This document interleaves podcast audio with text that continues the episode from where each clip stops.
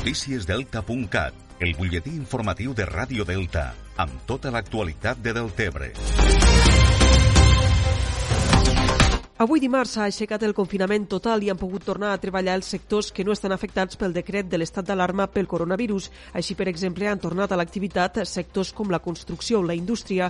Davant d'esta situació i malgrat continua vigent l'alarma sanitària pel coronavirus, l'alcalde de Deltebre, Lluís Soler, ha demanat a la ciutadania que en la mesura del possible continue confinada a casa per a evitar risc de contagis a la població.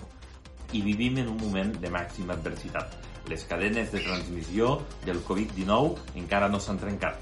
L'efecte i l'objectiu de contagi zero encara no l'hem aconseguit. I del Tebre, avui per avui, eh, tenim una situació eh, comparativament millor que la resta del nostre país. Per això us demano la màxima responsabilitat i que només aquells que de forma imprescindible o de forma essencial hagin de sortir de les seues cases ho facin però tota la resta que continue en este confinament estricte per donar efectivitat i per poder fer que la propagació del Covid-19 no entri al nostre municipi. En el vídeo institucional publicat ahir dilluns de Pasqua, l'alcalde va anunciar també la preparació d'una bateria d'accions que es donaran a conèixer durant els propers dies per reactivar l'economia local. Més qüestions. Este dimarts, 14 d'abril, ha començat el tercer trimestre del curs 2019-2020, malgrat les escoles i instituts continuen tancats. El curs s'ha reemprès de forma telemàtica després que des del Departament d'Educació i des dels centres escolars s'hagi intentat detectar i resoldre els casos d'alumnat amb problemes de connectivitat.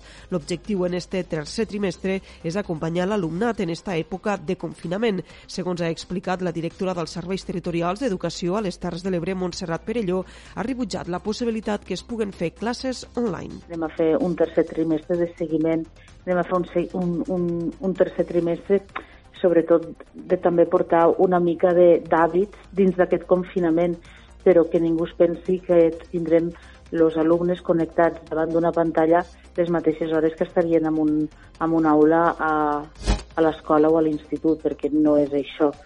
Per ello ha deixat molt clar també que aquesta situació de confinament no ha de representar que cap alumne pugui perdre el curs i menys l'alumnat de canvi de cicle i que han d'obtindre algun títol acadèmic. Els darrers temporals de pluja i la crisi sanitària del coronavirus retardaran almenys dues setmanes l'inici de la campanya de l'arròs al Delta de l'Ebre. A més, la temporada comença de nou pendents dels tractats de lliure comerç i especialment de les importacions d'arròs del Vietnam. Susana Casas ha parlat amb el coordinador nacional del sector de l'arròs de la Unió de Pagesos, Alberto Pons. Abril és sinònim de vida al delta. Se solten les aigües i els camps s'inunden. Comença la campanya de l'arròs. Enguany, però, ho faran retard i tant a un hemidelta com a l'altre no es començarà a regar fins almenys la primera setmana de maig. Pels darrers episodis de precipitacions i per les mesures de seguretat imposades per la crisi del coronavirus. Estem preparant les terres per a, per a fer les, les, les anivellacions, eh, aplicar l'adob, començar ja a preparar per a sembrar en sec. L'any passat, aquestes fetges, aquestes dates ja estàvem ja sembrant en sec i hores d'ara eh, s'espera que, que tardéssim dues setmanes llargues, comptant que no plogui més, a començar a treballar.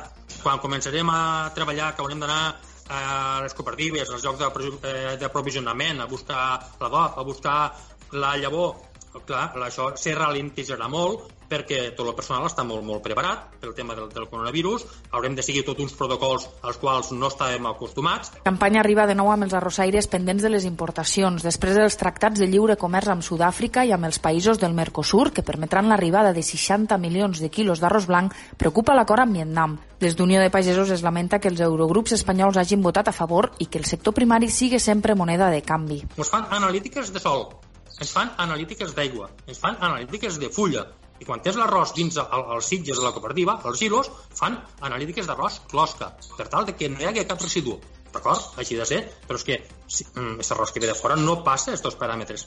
El sindicat recorda que el país del sud-est asiàtic produeix 480 milions de tones d'arròs per les 670.000 de l'estat espanyol. Més qüestions pel que fa al número de casos de Covid-19 al territori. La regió sanitària de les Terres de l'Ebre va informar ahir dilluns de 7 nous positius confirmats, elevant a 160 el nombre de casos acumulats a les Terres de l'Ebre. Això és tot per ara. Més notícies al portal deltacat.cat.